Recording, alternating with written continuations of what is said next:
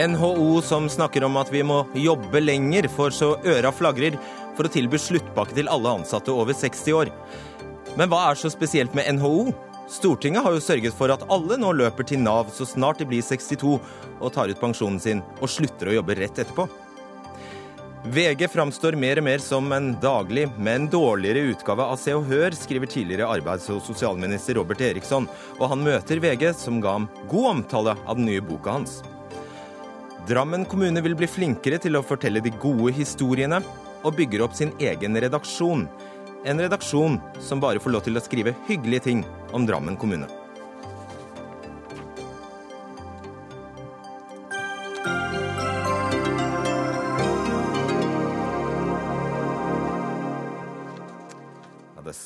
Det skal eh, Hjertelig velkommen til Dagsnytt 18. Eh, Jeg heter Fredrik Solvang. Det skal lønne seg å jobbe lenge her i landet. Vi må tilrettelegge slik at folk klarer å stå lenge i arbeid. Ja, gjerne til 70, kanskje helt til 72. Hørt det før? Både regjering, LO, NHO, ja alle er enige om at vi nordmenn bør jobbe lenger. Men så var det dette med liv og lære, da. For eh, Dagens Næringsliv kunne i dag skrive, meddeler at NHO-leder Kristin Skogen Lund tilbyr sluttpakker til alle ansatte over eh, 60 år. På samme tid planlegger de å ansette 25 nye. Kristin Skogen Lund, administrerende direktør i NHO. Hvorfor gjør du dette? Eh, Vi gjør det fordi vi skal senke kontingenten til eh, medlemmene våre, og vi skal bli mer effektive. Og da må vi kutte kostnader, og samtidig er det nødvendig med en viss eh, fornyelse av eh, kompetansen på noen nye områder. Og så var det sånn at vi ville gjøre dette på en mest mulig skånsom måte. Vi hadde veldig god dialog med de ansatte, og ønsket å gjøre det i form av frivillige rettighetsbaserte pakker, slik at vi ikke sitter og plukker ut folk. Men da må du jo avgrense det til en viss gruppe. Hvis ikke så risikerer du f.eks. at hele arbeidsrettsavdelingen tar pakken, ikke sant? så står man ribbet for den kompetansen. Og gitt at vi aldri har hatt noen eh, Vi har ikke noe AFP, vi har aldri hatt noen sånne sluttordninger i NHO før, så ble vi enige med de ansatte om at vi ville tilby det til eh, de eldste først, slik at de kunne gå av fra fylte 62 år. Eh, og så startet vi der. Og så var det så mange som tok disse pakkene at ikke det da var nødvendig å gå videre til andre ansatte grupper. Hvorfor ikke finne et litt mindre diskriminerende kriterium enn alder, da? Nei, altså Vi måtte ha en avgrensning, som sagt. Jeg har prøvd å forklare hvorfor vi måtte avgrense det til en spesiell gruppe. Og det var et ønske om denne muligheten blant de eldre. Så dette var et uttrykt ønske fra de ansatte. Og i en sånn situasjon så gjør man det på en mest mulig skånsom måte. Det har ikke vært noe som helst form for kritikk rundt dette overhodet inntil i dag. Og, I hvert fall inntil i dag. Ja, nei, men så må jeg også si at Vi har jo en pensjon, hatt en intern pensjonsalder på 67 år igjen nå, og vår snitt pensjonsalder er 66,7 år. Så jeg tror vi kan si at vi har en god seniorpolitikk i NHO, og at vi ergo har ganske god eh, samstemthet mellom liv og lære i så måte. Vi får sjekke med Arve Kambe, leder av arbeids- og sosialkomiteen på Stortinget for Høyre. Umusikalsk, sier du. Hva er umusikalsk? Ja, så Jeg mener jo at NHO er en veldig viktig partner for arbeidslinja som vi har i, i, norsk politikk. Nettopp derfor syns jeg det er umusikalsk at den største og fremste arbeidsgiverorganisasjonen vi har, tilbyr sluttpakke til alle over 60. Når man vet at både det regjeringen gjør, Høyre gjør, NHO gjør, andre parter i arbeidslivet gjør, sier at man skal stå lenger i arbeidslivet. Det er det ene. Regjeringen og Stortinget har vedtatt å både de har to lovjusteringer i fjor med å øke oppsigelsesvernet i arbeidsmiljøloven fra 70 til 72 år. Var NHO for det? Unnskyld meg? Det var de imot. Eh, og så tok de oss Ja, Da er jo ikke det noe poeng for deg? Jo, det er jo et poeng. Man skal jo forholde seg til landets lover og regler. Ikke hvis du skal ta NHO på Og liv og lære? I tillegg så tok man bedriftsinterne aldersgrenser, hvor man økte på Stortinget fra 67 til, til 70 år. Var NHO for oss- for det? For oss Var NHO for det? Det hadde, en annen- de hadde vært litt mer moderate på. Ja, altså, du er jo i det, det. Ditt ærend er jo å ta NHO på liv og lære, og disse, begge disse eksemplene er vedtak som Stortinget Nei, har ja. fattet mot NHOs vilje. Ja, men det var jo ikke dette. Dette handler jo ikke om det, om 72 og sånne ting. Her handler det om sluttpakker til ansatte som er 62, 63, 64 år. Rimelig oppegående folk, som på en jeg mener måte at NHO sender helt feil signaler ut når vi prøver det vi kan nettopp nå for å få folk til å stå, stå lenger i arbeidslivet. NHO gjør det sjøl. Nesten annenhver pressekonferanse som man er med, med på. Og NHO sammen med regjeringen og LO har signert en I-avtale hvor delmål 3 sier at man skal øke avgang, avgangsalderen fra arbeidslivet. Eh, og dere tilbyr altså, dere gir sluttpakke til drøyt 50 seniorer og ansetter 25 nye Skogen Lund. Hva er det disse seniorene ikke kan? Ja, Det er også 25 andre under 62 år da, som går ut i samme runden. Men det jeg har lyst til å spørre Kambe om, det er når vi nå er pålagt å, å kutte disse kostnadene, hvordan skulle vi gjort det? For alternativet hadde vært å tilby frivillige pakker til alle, men da måtte vi sitte og plukke folk ut, ikke sant? fordi man er avhengig av å å ha denne avgrensningen som jeg forklarte innledningsvis.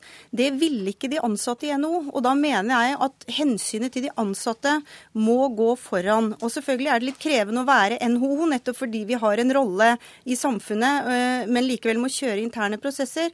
Men for oss så var det viktigst at dette ble gjort på en best mulig måte for de okay, ansatte. Og slik er det også for resten av norsk næringsliv for øvrig. Det er det hensynet ledere ønsker å ta. Svar kort, Kambe, på hva skulle hun ha gjort? Dette er jo over fire år. Eh, da i en så stor organisasjon som NHO etter hvert er blitt, eh, så er det òg naturlig avgang. Det er naturlig pensjonering. Folk får tilbud om andre oppgaver. Dersom folk vet at NHO skal ned, så er det folk som søker seg frivillig over til andre virksomheter. Det er andre måter å gjøre det enn å single ut de som er over 60. Jeg syns det sender forferdelig dårlige signaler til, til medlemmene til medlemmene til Kristin Skogen Lund, som nå sitter òg med samme utfordringer. Og hvis det blir et problem, da får vi et problem både med IA-avtalen avtalen. Men nå ser vi altså det siste året så stiger ledigheten for de over 60 okay. med 20% og det blir et stort men, men, samfunnsproblem. Jeg må få si en ting. Altså Som leder av Stortingets arbeids- og sosialkomité så syns jeg det også blir veldig spesielt hvis ditt råd til et næringsliv i omstilling er å sitte og vente.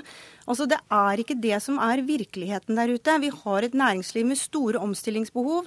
NHO som deres organisasjon er nødt til å følge det vi, eh, det vi får beskjed om av våre medlemmer som sitter Greit. i styre og representantskap hos oss.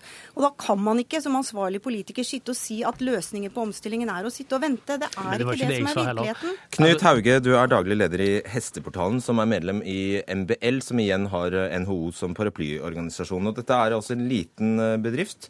Eh, og du vil jo du vil kunne få lavere medlemskontingent hvis Skogen Lund lykkes med sin eh, omstilling. Det er du vel fornøyd med? Eh, det er ikke noe viktig for oss. Det er en lav kontingent i utgangspunktet. Og i den landsforeningen som jeg er medlem, så har jeg aldri hørt at det har vært et problem, den kontingenten man har til, til NHO. Men jeg syns dette er så eh, spesielt at NHO går ut på denne måten.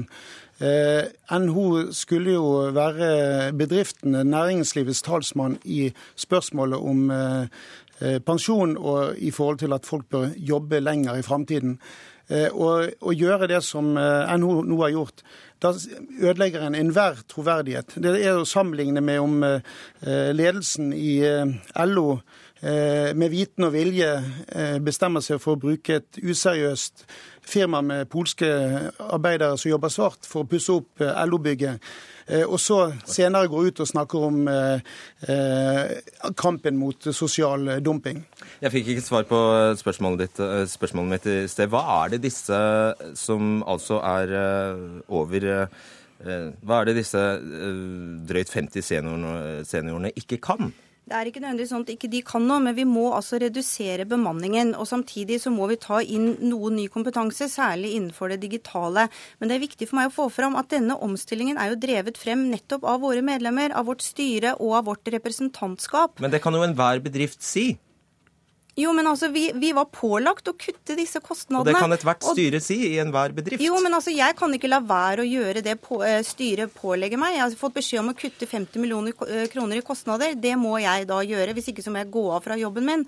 Og det her har vi altså gjort på en måte så skånsom og så omforent med de ansatte at ikke det har vært et eneste kny noe sted blant de som er berørt av prosessen. Og det mener jeg da må være verdifullt i en sånn sammenheng. Hauge. Eh, jeg mener at eh, Skogen Lund som eh, arbeidsgiver og leder først bør se på om det er noen av de ansatte over 60 år som kan omskoleres, som kan få kurs som gjør at de kan gjøre den jobben som, som NHO mener de bør gjøre. Og hvis det er slik at NHO-sjefen mener at De ville jo selv ha det på denne måten. Jo, er. Men, men, men la meg komme til poenget. Hvis hvis det er slik at NHOs ledelse mener at en håndfull eller et dusin medarbeidere er gått ut på dato og ikke gjør jobben godt nok, så bør de som arbeidsgivere ta ha baller nok til å ta en prat med de og si at eh, vi tror ikke din kompetanse er den vi trenger i framtiden. Kanskje du skal ta en sluttpakke.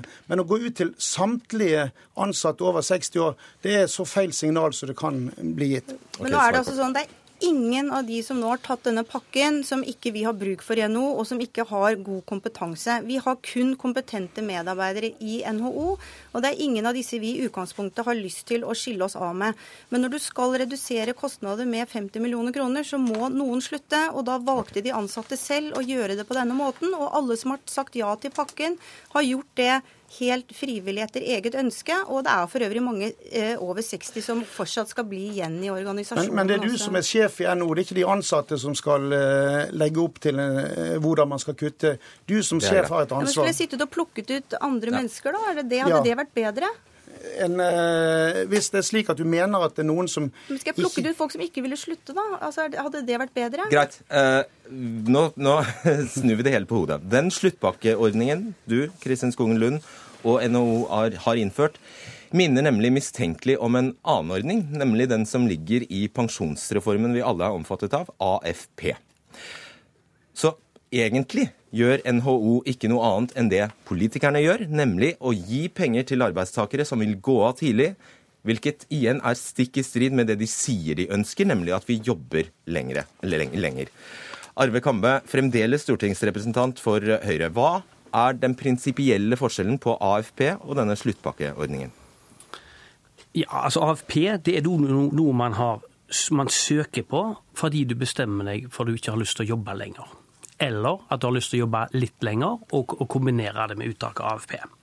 Sluttpakke det er noe du får fordi arbeidsgiver ikke vil ha deg på jobb lenger. Så de er på en helt annen måte. Men begge de har òg til felles at verken AFP eller sluttpakke er obligatorisk å tilby. du det er heller ikke obligatorisk å akseptere. Virker disse to ordningene, AFP og sluttpakkeordning, på samme måte ved at det er så enkelt som at arbeidsgiver gir deg penger for å slutte, ja eller nei? Nei, altså AFP er jo en avtalefesta pensjon som man også er som en rettighet. Både tariffesta og delvis lovfesta i de siste årene. Eh, sluttpakke er ikke det. Sluttpakke er et eh, verktøy som arbeidsgivere kan ha for å gjøre det enklere å nedbemanne. Ja, Skogenlund, altså Den store forskjellen her er at en AFP-er kan jo da bli værende i bedriften, mens det du gjør er mer utilslørt her må de slutte hos deg. Jo, men vi har, vi har ikke, ikke AFP-ordninger, og vi ønsker ikke at disse skal slutte. Altså, Vi var nødt til å kutte kostnader, og da måtte vi eh, gjøre det på en mest mulig skånsom måte. Og mange av de eldre valgte, valgte å ta denne du pakken. Kunne jo gjerne, du kunne jo hatt AFP så mye du ville. Ja, men vi har ikke AFP-ordning i NHO. Du kunne jo hatt det. Ja, men det har vi ikke. ja, Hauge. Eh, jeg eh, vil gjerne minne Skogen Lund på hva som var bakgrunnen for AFP. Eh, verden er liten, og særlig i Norge. Så jeg jobbet faktisk som journalist i NHOs eh, medlemsavis, Næringslivets ukeavis, fra 1993 til 1999. Og i den forbindelse så intervjuet jeg både Carl Glad og Yngve Haagensen mye om AFP. Og da eh, var Carl Glads utgangspunkt at eh, til kravet fra, eh, fra, LO om å utvide aldersgrensen eh, for AFP, den begynte på 66 år i 88, at dette ikke måtte bli en allmenn ordning. Det LO sa, det at dette, AFP skal vi ha fordi at de slitne ja, og nå er det en helt allmenn ordning som ja. alle i privat sektor uh, kan nyte godt av, bare de blir 62 år. Men, men, men, alle får et påslag. Men, men den uh, var laget for de slitne uh, industriarbeiderne som hadde begynt å jobbe når de var 14-15 år, og som hadde ødelagt kroppen, at de skulle slippe å bli uføretrygdet de siste årene før sånn. Og i dag er det helt andre grupper. Det var aldri tenkt at det var godt utdannede kontorister på, på Men det har Stortinget og Arve Kambe bestemt at sånn skal det være. Altså, det, Kambe, du kritiserer altså egentlig NHO NHO her for å ikke stå bak målet om at, eh, at, at folk skal stå lenge, eh, lenger i jobb. Gjerne til de er 70. Og dere har jo endog nå eh, økt denne alders, øvrige aldersgrensen til 72 i arbeidsmiljøloven. Men la oss ta en liten titt på realitetene. Realitetene er altså at etter at pensjonsreformen ble innført i 2011, har stadig flere nordmenn løpt stadig tidligere til Nav for å få ut pengene sine. Antakelig fordi de tenker at de ikke aner hvor lenge de skal leve. Og nå er gjennomsnittlig uttaksalder 62,8 år. Drøyt tre måneder etter det slutter de rett og slett å jobbe. Gjennomsnittsnordmannen trer ut av arbeidslivet når han eller hun er 63,1 år. Så det er jo, Kambe, du og regjeringen og alle andre som, måtte, som, som må slutte å late som at vi jobber til vi er 70 år her i landet. Vi går av når vi er 63 år. Det er mange årsaker til at folk går av. Det er mange andre som gjør Norge har ikke lenger en generell pensjonsalder på 67 år. Man har en fleksibel pensjonsalder fra 62 til 75. Du kan tjene opp pensjonsrettigheter til 75. Vi har gjort det sånn at folk kan ta en gradert pensjon hvis man har eh, privat eh, pensjonsforsikring etterpå, eller tjenestepensjon. Eh, man har rekke muligheter for å stimulere at man skal gjøre det. I tillegg så er det altså mulig å ta ut AFP, folketrygd, tjenestepensjon, og jobbe du 62 år. Nettopp fordi at vi har ment at eldre er en ressurs i og, arbeidslivet. Som jeg sier, gevinsten av alle, alt dette her er altså at folk nå jobber til de er 63,1 år. Ja men, ja, men, dette er jo i starten. Dette er jo noe som kommer til å stige etter hvert som, det, som pensjonsreformen kommer til å virke, og effekten av levealdersjusteringen trer inn. Da kommer folk til å jobbe mer, og det prøver vi også å stimulere til. Så jeg tenker jo det at eh, samtidig så må vi òg Dette har med, med andre, andre, ting som gjør. Det har med å redusere skatt på arbeid, både ja. gjennom eh, på alminnelig inntekt og topp, det som før het toppskatt, nå som er trinnskatt. Det er en del andre ting. Og så har vi gjort en, en del endringer i uførepensjon, som òg skal bidra til at det skal gjøre enklere å komme tilbake Kristin Skogen egentlig er poenget mitt at det NHO her gjør, er, egentlig, er for så vidt å oppføre seg som alle andre norske bedrifter. Alle andre norske arbeidstakere tar konsekvensen av at vi ønsker ikke å stå så lenge i jobb som dere påstår. Nei, egentlig ikke. For dette er en engangssituasjon hvor vi er påført å kutte kostnader. Vi har ikke AFP-ordning. Vi har en snitt pensjonsavgang på 66,7 år i NHO. Jeg mener vi har all mulig troverdighet i vår seniorpolitikk. Vi kommer til å fortsette for å jobbe for at folk skal stå lenge i arbeid. Vi mener vi må ikke heve aldersgrensen ytterligere ytterligere. Da begynner man i feil ende. Men vi er absolutt for en god seniorpolitikk. Jeg mener vi har ført det hele veien. Dette var et engangstilfelle, og det var et ønske fra våre egne ansatte. Hauge. Jeg er bekymra. Jeg er rett og slett bekymra for for, altså, Hvis vi ser Nav-statistikkene nå, som kommer med den økte ledighetssituasjonen som er i Norge i dag, eh, så er det mange unge som sliter. Og i den andre enden så er det mange over 55, og særlig de over 60 som sliter. Mange av det, det som bekymrer meg, NO sine, NO sine folk, det er flinke folk topputdanna. De kommer til å si tusen takk for sluttpakken og kommer til å gå rett over i en ny jobb. De aller fleste. Men det som jeg bekymrer meg for, programleder, det er at dette er en svekkelse som gjelder arbeidsmarkedet. Og jeg er redd for at flere følger Kristin Skogen Lund sitt eksempel med at når man skal nedbemanne, så går man automatisk på de eldste. De vil når de ikke jobber i NHO, være en del av de okay. svakeste på arbeidsmarkedet når de skal inn og søke seg ny jobb, akkurat på tampen av yrkeskarriere. Det er en behandling på oppløpet av, av yrkeskarriere som jeg mener Norge ikke er tjent med. Selv om de Hauge, er, eh, er sterk motstander av disse sluttpa eh, sluttpakkene, og også eh, den nye AFP-en, så er jo denne varianten Den koster ikke staten en krone, så den må jo faktisk være foretrekket. Jo, men det er signalet som går ut. NHO har ikke lenger noen troverdighet til å delta i den debatten om at eh, folk bør stå lenger i jobb når de har gjort eh, dette og gitt et generelt tilbud til samtlige ansatte. Det er, så, eh, det er på en måte så godt at Det skjer bare én gang, sier hun. Jo, men folk er ikke dumme. Folk husker. Dette er på en måte å undergrave sin egen troverdighet og sånn at Jeg lurer på hvem er det som nå skal være talsmann for at folk bør stå lenger i jobb, når NHO ikke lenger har noen troverdighet? Ja, er det deg, Kambe, som skal stå og rope at folk må stå lenger, eh, lenger, i jobb? For hvis så var tilfellet, så har du jo tusen andre ting du kunne ha gjort for faktisk å få folk til å stå lenger i jobb. Dere kunne ha innført en faktisk, eh, faktisk aldersgrense eller en faktisk pensjonsalder her i landet på 70 år, f.eks. Dere kunne ha gjort fleksibiliteten mindre. Dere kunne ha gjort så mange ting. Dere burde jo jo, det er jo det vi har gjort med at vi har en fleksibel uttak fra 62. For Begynner du å ta ut pensjon når du er 62 år, så får du lite pensjon.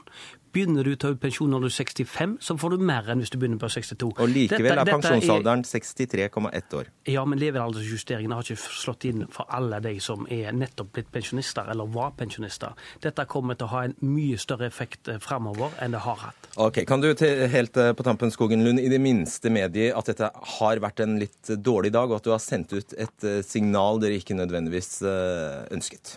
Vel, altså jeg skjønner det med signalet, men, eh, og det, det, kunne sikkert vært annerledes. Men for meg så er altså hensynet til de ansatte viktigst. Og jeg mener at her har NHO faktisk kjørt en ganske stor omstillingsprosess uten at det har eh, ført til noe som helst friksjon internt i NHO eller av de berørte parter. Men det blir parter. vanskelig for deg nå å Nei, si at folk skal stå lenger i jobb? Men det mener jeg faktisk øker vår troverdighet i arbeidslivspolitikken. For vi vet hva omstilling er. Vi har stått i det selv, og det mener jeg faktisk er en fordel når vi skal være talsrør for dette videre. Takk skal dere ha. Kristin Skogen Lund, Helge Hauge og Nei, unnskyld. Knut Hauge og Arve Kambe.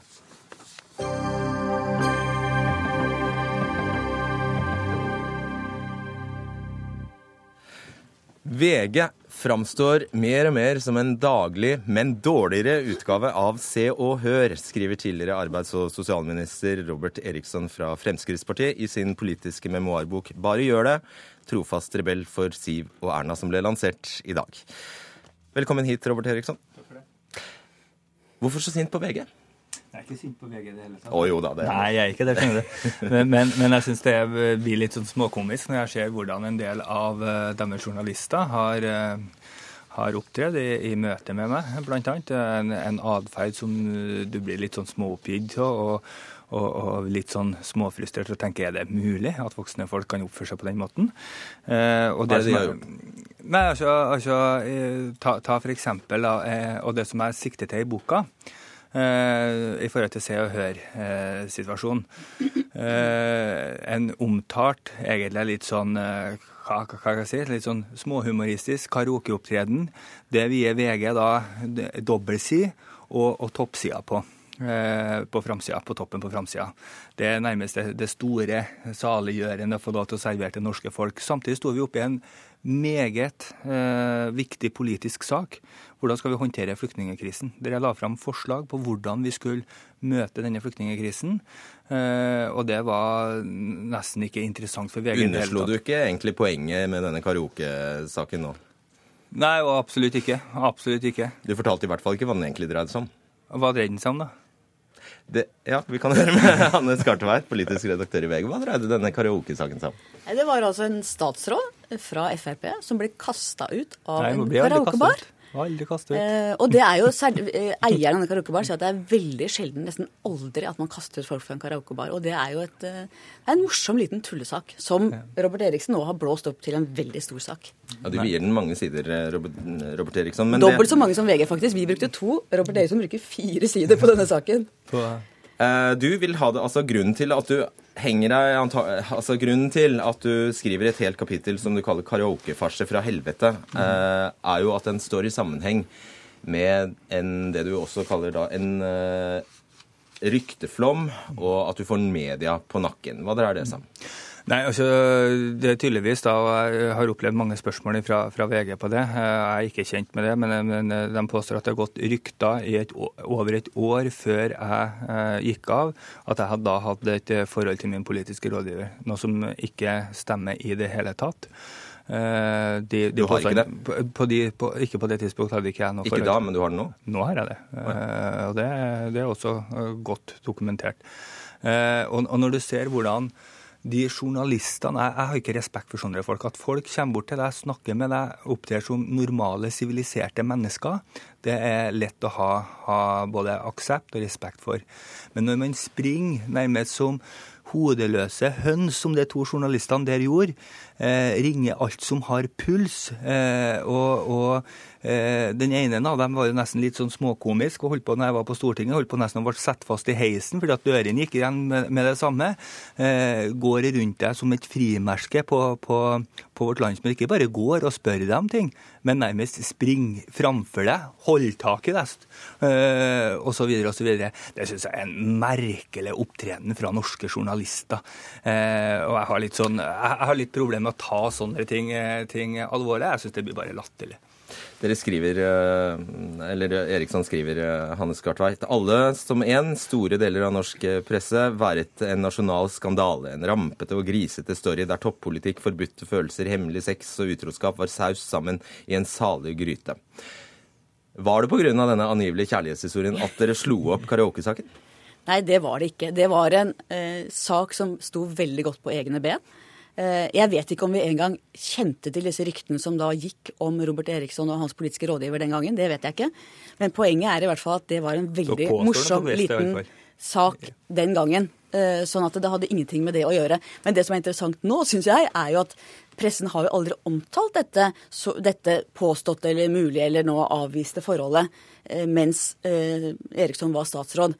Så det er jo Eriksson selv som bringer inn dette. Norsk presse vet veldig mye, tror veldig mye, antar om politikers, toppfolks privatliv som vi ikke skriver, for at det er ikke relevant. Men vi prøver å finne ut av ting hvis vi tror at det er noe som er relevant for en rolle.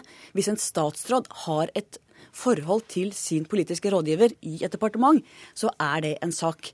Men det er klart at vi skriver ikke det eh, før vi eventuelt vet det. Og vi skriver aldri den type saker hvis det ikke er relevant for den rollen. Sånn at Vi har aldri skrevet vi om disse ryktene nei. som har gått. Vi skriver ikke saker basert på rykter. Nei, sånn er vi ikke. Nei, for, Nettopp fordi at det var ikke noe som eksisterte. Eh, men, men, men, fortsatt så brukte VG et år, og jeg kan dokumentere det gjennom alle de tekstmeldingene, oppringingene fra de to, og de eh, som har, har ringt rundt omkring til, til alle sammen. Eh, kommet med Skal de ikke få sjekke ut en sak? Jo, jo, jo, men, det må de selvfølgelig gjøre. Men de ringer også statsministerens kontor og får får da beskjed om hva er grunnen til min avgang.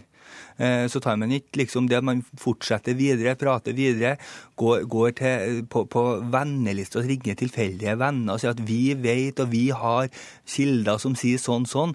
Jeg syns det blir en latter latterlig måte å opptre på. Eh, jeg syns det er useriøst, eh, sånn at det er sagt. Eh, og jeg har lite respekt for den, den type måte.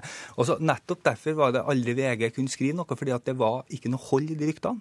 Det, men, men, men, og det var ikke noe i det.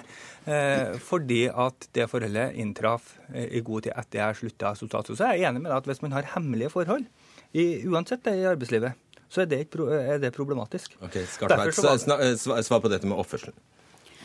Ja, jeg kjenner jo uh, våre reportere godt. Er, de er pågående, men høflige, skikkelige journalister. Det er ikke mye høflighet der, nei. Det, uh, da, har, og, da må du definere høflighet for meg. Jeg skjønner jo at Eriksen har opplevd det som om dette var den ene store saken norsk presse drev med. Det var det ikke vi skrev om. Mye om flyktningsituasjonen, mye om Nav-reform, om arbeidsliv. Men det er klart at vi må sjekke ut når vi får tips om en sånn type sak. Og så sjekker vi den i hjel, og så er det ikke noe. For det er åpenbart at det ikke har vært, i og med at uh, Eriksson to ganger har sagt både til statsministeren og sin egen partileder Siv Jensen at det ikke er noe forhold. Og da må vi bare tro ham på det. Altså, Det er jo noe med ditt forhold til pressen her, eh, Eriksson. For du skriver altså at du ville faktisk på et, du ville ikke snakke med VG i det hele tatt. Du skriver 'det ville jeg ikke, for jeg vet hvordan de er'. Sier du ett ord til dem, vrir og vrenger de på det, på det ordet i alle retninger. Og jeg aktet ikke å gi mat til hyenene, mm. skriver du. Ja, jeg opplever dem som det. Eh, som, som rett og slett eh, når du, Hvis du har sett dem når de kom springende bortover de gangene, så, så, tror jeg du har hatt eh, Her virka som at det var noen som var, var, var underernært. Og så håper jeg, håper jeg det at jeg vet at det, det er mye vanskeligheter i norsk presse for tida, at det er innsparinger osv. Og, så og jeg håper jo, jeg er veldig glad for at Skartvedt sier at de har også andre saker de jobber med. Eh, for, for hvis dere der har måttet gått på provisjon Eh, i forhold til all den tida de har brukt på det der, ut ifra spaltemillimeter, så hadde det ikke vært mye penger som har gått inn på konto til de to karene. Siste spørsmål til deg, skal du slippe til, eh, Skartveit. Eh, du fikk jo ganske grei omtale av boka di på forsida i VG i dag. da. Var det, var det du som lekket? Nei, jeg har ikke lekka noen verdens ting. Og, og, og, og, jeg vil også gi, gi samtidig honnør til, til, VG. Jeg syns at VG er en, en, bra meningsavis som er ute og deltar i, i samfunnsdebatten. Eh, og har fått bra omtale av VG i dag. Jeg har ikke noe sure minner verken til, noe, til journalistene eller til et bestemt medium, men jeg synes i den konteksten, i forhold til de sakene, som jeg virkelig sier at hva er viktig og hva er mindre viktig, hva har nyhetsverdi og hva har lite nyhetsverdi. Jeg skjønner at karaoke er viktigere for VG enn hva den store flyktningutfordringa var. Nå skal du få svare, skal. Karaoke er kjempegøy. At en statsråd fra Frp blir kasta ut av en karaokebar, ja, er en veldig ut, morsom sak. Du kan ikke bli kasta ut fra noe du aldri har vært i. definerer i hvert fall sånn. Og så punkt to, så tenker jeg at Norsk presse er veldig skikkelig når det gjelder politikeres privatliv. Det er jeg veldig fornøyd med, veldig stolt av. Og våre folk oppfører seg ordentlig. Jeg kan stå opp anytime og si at VGs journalister er skikkelige folk som oppfører seg ordentlig, og at politikere opplever det ubehagelig når det blir stilt spørsmål ved dem, det må de bare leve med. Det er en del av jobben. Nå fikk du enda litt mer reklame for boka di, Robert Eriksson. Ja, det, er, det, er, bra. Så håper jeg folk går og kjøper den. Selvfølgelig. Takk skal du ha. Robert Eriksson og Hanne Skartveit.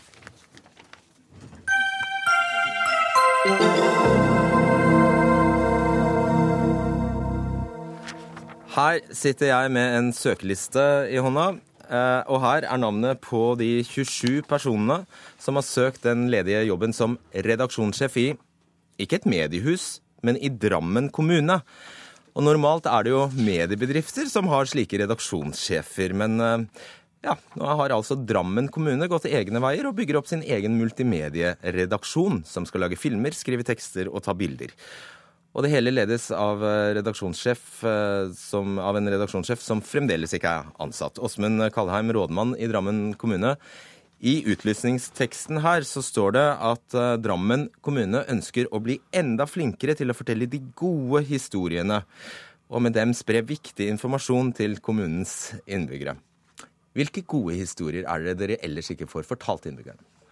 Det er mange. For det første så har jo vi en lovpålagt plikt med å drive aktiv informasjon om kommunens virksomhet, så dette er noe vi må gjøre. Dessuten så forventer jo innbyggerne det, og bystyret har sagt at Drammen skal være en åpen Eh, kommune, så her har vi mange oppdrag, og vi ønsker å løse det på en fremtidsrettet måte. Vi har drevet gammeldags til nå. Nå må vi ta i bruk nye virkemidler. Og nå skjer det veldig mye på den tekniske siden, og vi må da bli flinkere til å ta i bruk de nye virkemidlene, de nye kommunikasjonsverktøyene. Vi Hva er det du snakker om da? Facebook, eller? Ja, Facebook f.eks. Altså, I dag så har vi 7000 eh, følgere på Facebook, men vi har 70 000 innbyggere. Hallo, det holder ikke. Vi er det er ingen som gidder å gå inn på nettsidene deres? er det sånn? Jo, på nettsidene så har vi jo 2,5 millioner oppslag. Vi har 850 000 som er inne der. Men de finner jo ikke det de skal ha. Så vi skal jo modernisere nettsidene våre nå. Eh, slik at folk kan finne frem. Men du vet, det holder ikke. Vi er jo langt ifra gode nok. Og vi har jo også spurt folk ja, hva er det du leter etter, da? Jo, det de leter etter, det er skoleruta, åpningstidene på det fantastiske Drammensbadet. Men vi har jo utrolig mye mer som man kan få løst på nett. Men vi er ikke proffe nok på hvordan vi gjør folk eh, eh, oppmerksom på hvordan du får løst en tjeneste. Du kan jo f.eks. bestille barnehageplass på nett i Drammen, men du finner ikke frem. Da må vi eh, bli mye bedre på å vise folk hvordan kan du bestille plass. Du får plass på dagen i Drammen på barnehage. Skjønner. Dette gjør du har en informasjonsavdeling, sant? Vi har en god, gammeldags informasjonsavdeling. Den trenger vi å fornye. Vi har til og med et grafisk senter. Oi. Vi har det meste. Men vi har ikke tatt i bruk de nye verktøyene, sånn at vi driver litt med skrivemaskin og, og telefax. Nå handler det jo om eh, Facebook og animasjoner og nye verktøy og apper og alt som er. Og der må vi være. da skal du bygge opp en redaksjon med en redaksjonssjef, og det er da reaksjonene kommer. Karianne Bråten, politisk redaktør i Drammens Tidende. Du var en av dem som, eh, som bet deg merke i eh, titlene her. Hvorfor det? Ja, eh, Når du bruker tittel som redaksjonssjef og multimedieredaksjon, så får jo iallfall jeg assosiasjoner til journalistikk. Og sånn som jeg tolker det denne avdelingen skal drive med, så er jo ikke det journalistikk. Det er informasjonsarbeid. Det er forskjell, da? Um, ja, godt spørsmål. Hva er forskjellen? Jo, selvfølgelig er det stor forskjell på det. Hvis du jobber som informasjonsrådgiver for Drammen kommune, så er det jo nettopp det som Kaldheim er inne på. Ikke sant? Vi, er, vil lite åpningstidene i barnehagen, vi vil vite skoleruta. Det gjør jeg jo sjøl. Jeg leter etter en skoleruta titt og ofte. Eh, og da vil jeg ha helt saklig streit informasjon, og jeg vil vite hvor jeg skal finne den. Eh, I avisa så vil jeg ha noe annet. Jeg vil ha journalistikk. Ja. Skal jeg fortelle hva journalistikk er òg? Ja, bare, ja, bare, bare, bare, si forskjellen for, veldig kjapt. Ja, altså... Hva er det vi eh, gjør som er så høyverdig? Ja, Om det alltid er høyverdig, det skal jo ikke jeg sitte her og si. Men det er klart at er du journalist, eh, så er du ute etter å formidle en slags sannhet om et tema som du har gjort en journalistisk vurdering av at er, dette er interessant, dette bør innbyggerne vite. Og lakmustesten her, eh, Kallheim, er kan disse journalistene dine i denne redaksjonen skrive kritisk om kommunen? Vi har aldri sagt at vi skal lage noe mediehus. Og jeg er jo helt Svar på spørsmålet. er du ja, jeg... Kan de skrive kritisk om kommunen? De kan skrive, Selvfølgelig kan de skrive kritisk om kommunen, men de er ikke ansatt for å late som om de er en konkurrent til de fire utmerkede redaksjonene som er i Drammen. Slik at uh, vår oppgave er å drive aktiv informasjon om kommunen. Og vi har absolutt aldri tenkt og vært i nærheten av at kommunen skal drive noe slags propaganda om, av seg selv, eller eh, prøve å late som man er en mediebedrift. Tull, tøys, det er helt uaktuelt. Det skal vi ikke gjøre. Men vi har en viktig jobb med å kommunisere all de opp, alle de oppgavene vi har som kommune. Og da er spørsmålet skal vi være moderne og bruke nye verktøy, nye virkemidler. Kanskje tittelen var gæren, men jeg har ikke noe problem med å bytte tittel hvis dette er veldig sårbart i disse vanskelige medietidene. Ok. Bråten, er du fornøyd med det? Uh, ikke helt. Uh, jeg syns kommunene har gjort det veldig vanskelig for seg selv, nettopp ved å bruke de titlene. Uh, og det jeg bet meg spesielt merke i, som også gjorde at jeg, jeg våknet litt da, og fikk lyst til å skrive om det, det var jo begrepet gode historier. Det er viktig for oss å fortelle gode historier. Uh, og da er jo nettopp det spørsmålet er det kommunens jobb å fortelle gode historier om seg sjøl. Eh, mitt svar på det var nei. Hvis de mener de gjør en god jobb, så. Selvfølgelig eh, så kan du fortelle det, men det er klart det kommer mange etiske vurderinger inn i det. Og jeg savner detaljene og bevisstheten i det som er kommunisert rundt eh, måten Drammen kommune skal formidle gode historier på. Um, eh, HR-direktør Kirsti Aas Olsen svarte i en kommentar til min kommentar. Brukte eksempler på for, Nå er det en ny jernbanetrasé gjennom Drammen. Det har opprørt veldig mange mennesker som har hus som er i akkurat den faresonen. De har ikke fått informasjon, føler de. Og da tenker jeg, Det ble brukt som et eksempel. Eh, og det syns jeg var et veldig rart eksempel. Å fortelle en god historie om en jernbanetrasé gjennom hagen til noen. Da tenker jeg at kanskje egentlig er det en med kompetanse på masseutsendelse av SMS eller gode brev, eller eh, målretta kommunikasjon. Og hvis ikke Drammen er en helt spesiell norsk kommune, så kan det være at du har andre mer fornuftige ting å bruke penger på enn å fortelle de gode historiene. Ja, altså, Hvis det også er et problem, da, så glem redaksjon og gode historier. Vi har en jobb å gjøre. Den jobben skal vi gjøre.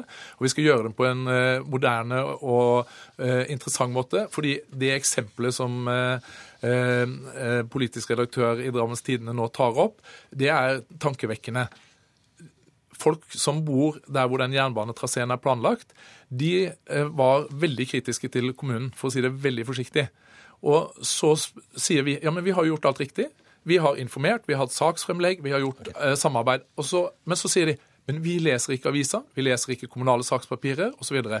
så er da spørsmålet skal vi da si at vi er perfekte, eller skal vi si vi må skjerpe oss? Og det er det vi gjør. Vi skjerper oss, og så må vi finne frem til måter og, og sørge for at vi når frem til de folkene da som blir berørt, og som kanskje mister huset sitt. Skjønner.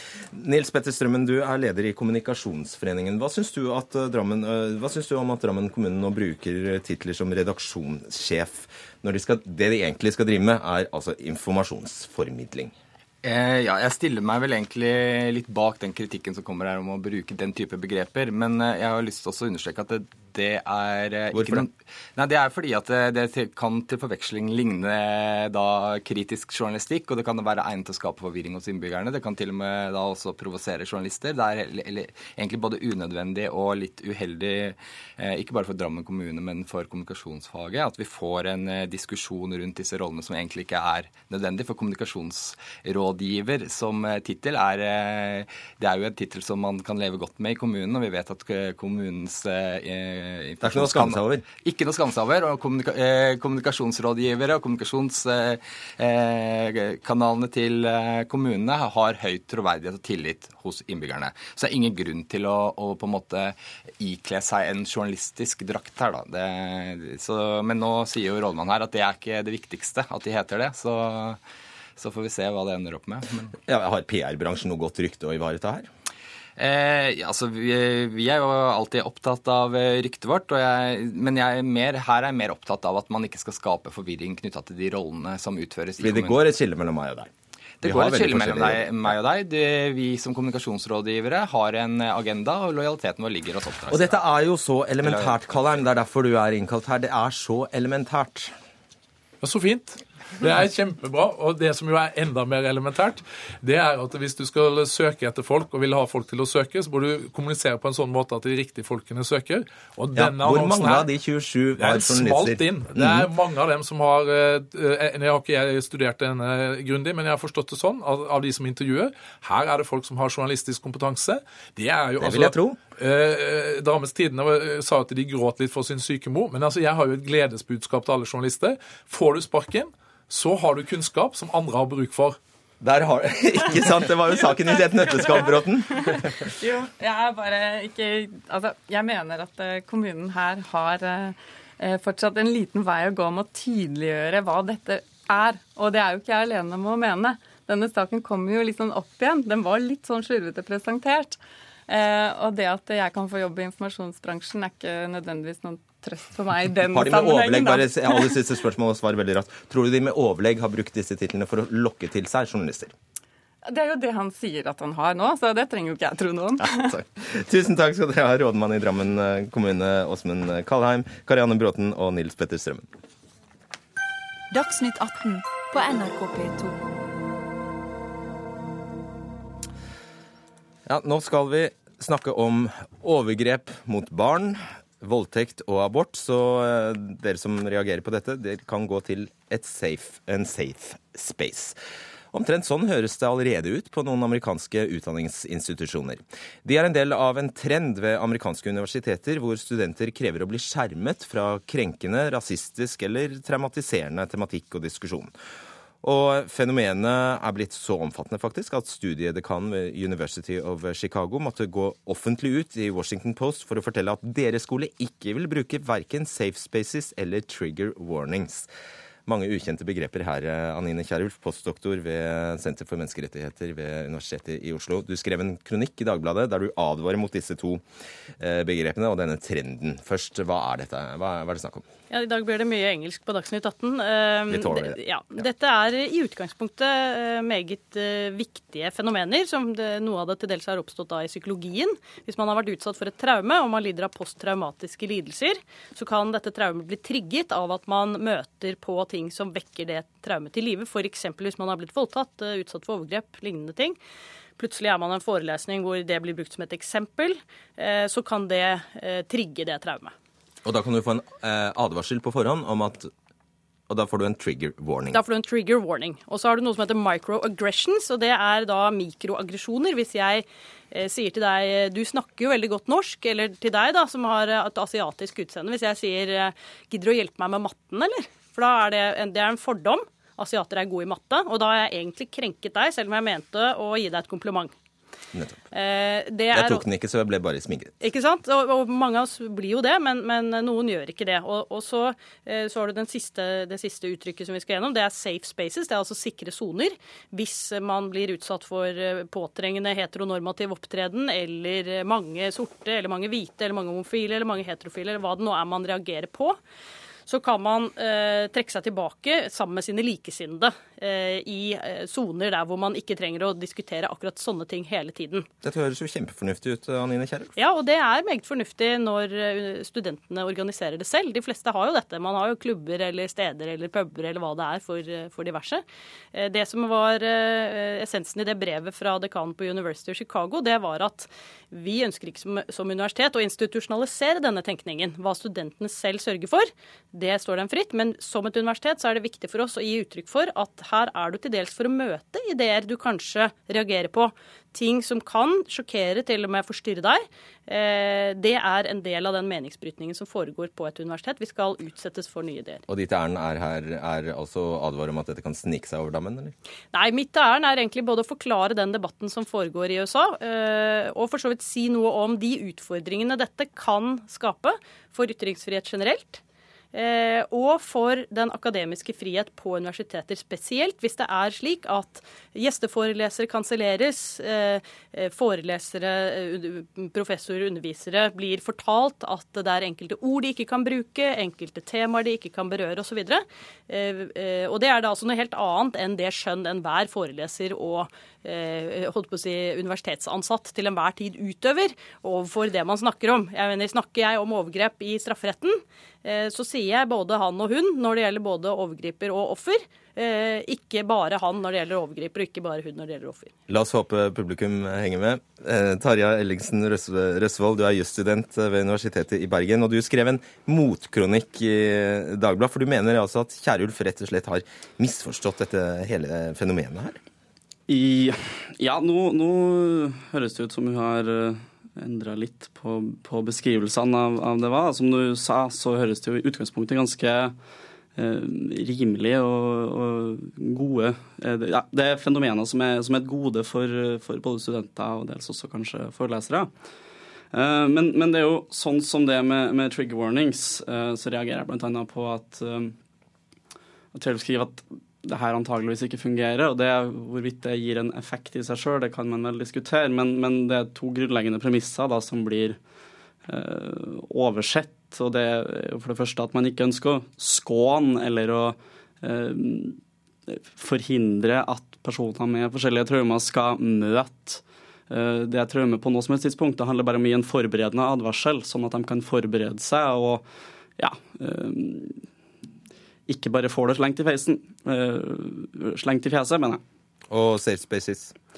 Safe Spaces, det beskriver, beskriver også godt, men, men, men, jeg tror vi er litt uenige om hvor, hvor stort uh, ja, i hvor stor utstrekning det faktisk blir brukt. Uh, og sånn som jeg ser det, da, så, så er det jo en helt vanlig atferd at mennesker som har en, ja, har en, har en naturlig tendens til å ønske å være med folk som er lik seg sjøl, og det kan da særlig være Eh, i det tilfellet hvor man f.eks. er transperson og møter veldig mange såkalte cis-normative holdninger eh, veldig ofte.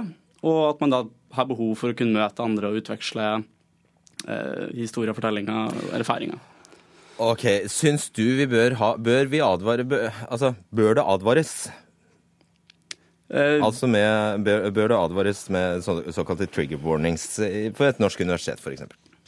I, i, praksis så skjer det jo nå. Eh, det er sånn som jeg snakka med ei venninne i går. og da Hun hadde nettopp begynt på å ta, ta et fag i moralfilosofi. Da ble det advart mot at på det kurset kommer til å diskutere abort. Mm, så svaret er ja, det, det bør skje? Ja. Mm. Sånn sett så er jo dette brevet fra dekanus på, på, University of Chicago eh, det er jo det jeg avslutter min kronikk med, det er jo en generell trigger warning. På dette universitetet så vil du bli utsatt for en del eh, kontroversielle standpunkter, og ikke alle er eh, like behagelige. Eh, når det er sagt, eh, jeg syns jo det er utmerket at eh, Røsvold har kommet med en motkronikk. For det er både er det jo veldig bra å få en debatt om disse spørsmålene, og i tillegg så er det jo veldig bra når jeg ikke lenger er student, men er på universitetet, og han er student og viser med... Godt for deg å bli irettesatt, si òg? Uh, ja, jeg syns alltid det er fint å få saklig kritikk, ja, og her er, det, her er, det, en god del uh, god argumentasjon.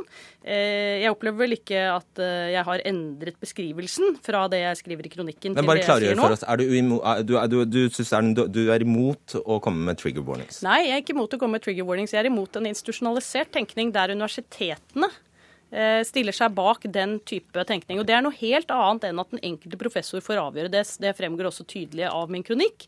Når det gjelder effekten av trigger warnings, så tror jeg det er noe som i eh, psykologisk forskning er omstridt. Eh, det er for så vidt et sidepoeng for meg, men det er jo også et poeng i denne debatten. Eh, så er det jo det å si om mitt innlegg at det er jo ikke et rent forsvar for å droppe alle disse tingene i det hele tatt. Jeg prøver å anskueliggjøre en debatt. og det eh, Innlegget mitt heter jo da også fremfor, eh, noe sånt som at fremfor å advare mot ytringer, så trenger vi opptrening i argumentasjon. Eh, og det syns jeg jo kanskje eh, også Røsvold kan merke seg, eh, for i hans motinnlegg så syns jeg nok at han tillegger meg en del meninger og gir en del tendensiøse gjengivelser av, av min posisjon. Sånn at ja til god debatt, og, og minne om at vi alle alltid kan med fordel lese oss litt opp på Ness, Arne Næss saklighetspoenger. Vi trenger vel ikke akkurat mindre Altså, vi trenger vel ikke akkurat lavere eller høyere terskel for for å bli krenket, eh, Røsvold? Nei, men det er jo to helt forskjellige, ja, det to helt forskjellige ting. Vi snakker om, vi snakker om krenking, og det blir trigga i tilfelle trigger warnings. ikke sant? Trigger warnings eh, kommer jo fra begrepet å bli trigga, altså utløse et traume. Det er noe annet enn at jeg føler et visst ubehag hvis noen tar opp et tema som jeg blir krenka av. Så det er ikke noe snakk om at vi skal få en økt krenkelseskultur, heller enn at vi også tar hensyn til folk som har psykologiske traumer. Men her eh, ser du jo bort fra den delen. for det, Mitt anliggende her er jo ikke bare å kritisere trigger warnings, det er jo å kritisere den, eh, de konsekvensene denne type tenkning får. Og inn i denne trenden går jo også dette microaggressions, eller mikroaggresjoner, som vi snakker om, hvor eh, en del progressive universiteter som University of California, LA og i Berkeley har laget egne lister om ting mm. man ikke bør si i undervisningssituasjonen, og heller ikke mellom studenter studentene i klassesituasjonen. Og det er vel ikke en ønskelig utvikling? Røsvold? Ja, nja. Fordi, fordi det som er, er jo ikke nødvendigvis at eh, Så vidt jeg har også lest eh, noen av de sakene der, og det er ikke nødvendigvis sånn at man sier at man ikke skal uh, si det, eller at det er liksom et totalforbud mot å si det. Det handler jo mer om å bevisstgjøre rundt enkelte fordommer som vi ikke er klar over at vi sjøl har. ikke sant? Det er det som er poenget med microaggressions, at det betegner noe som vi gjerne ikke er klar over.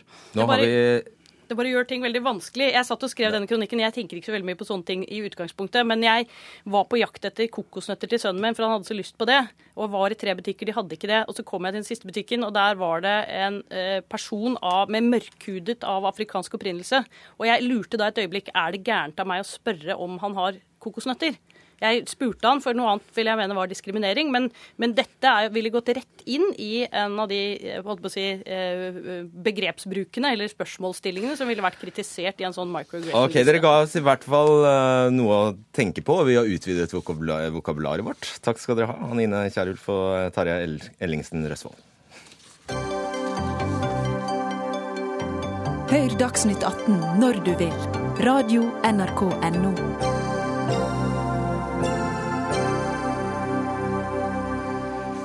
Fem timers kjøring mellom Oslo og Bergen, høres det bra ut? Ja, sånn kan det bli hvis et av forslagene som Vegvesenet nylig la fram, blir en realitet. Vegvesenet mener det er store reisetidsgevinster å hente ved å bygge en bergensarm på E134, som allerede er valgt ut som ny hovedvei mellom øst og vest. Og utbygging, utbyggingen vil gi en netto samfunnsnytte på 26 milliarder kroner, ifølge Vegvesenets beregninger. Men det er en dårlig idé, sier du, Holger Slaupitz i Naturvernforbundet, fagsjef der. Hvorfor det? Ja, altså, Denne saken her handler jo om både den konkrete veiutbygginga Haukeli og videre til Bergen, men er også et viktig spørsmål inn i hele Nasjonal transportplan-debatten som vi kommer til å få utover nå. Hva skal vi egentlig med jernbanen i dette landet? Skal vi bygge den ut og lappe litt på den, og så skal vi ha et digert nytt motorveinett som skal undergrave lønnsomheten til jernbanen og undergrave transportgrunnlaget for den. Og Det spørsmålet syns jeg regjeringa bør stille seg, og stortingsflertallet. For det er ingen tvil om at det veisystemet som nå planlegges, det vil føre til mye mer biltrafikk, og det vil undergrave ikke minst godstransporten på Bergensbanen.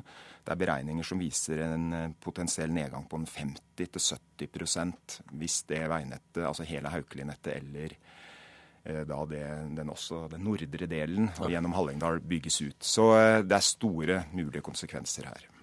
Tom Christer Nilsen, statssekretær i Samferdselsdepartementet for Høyre.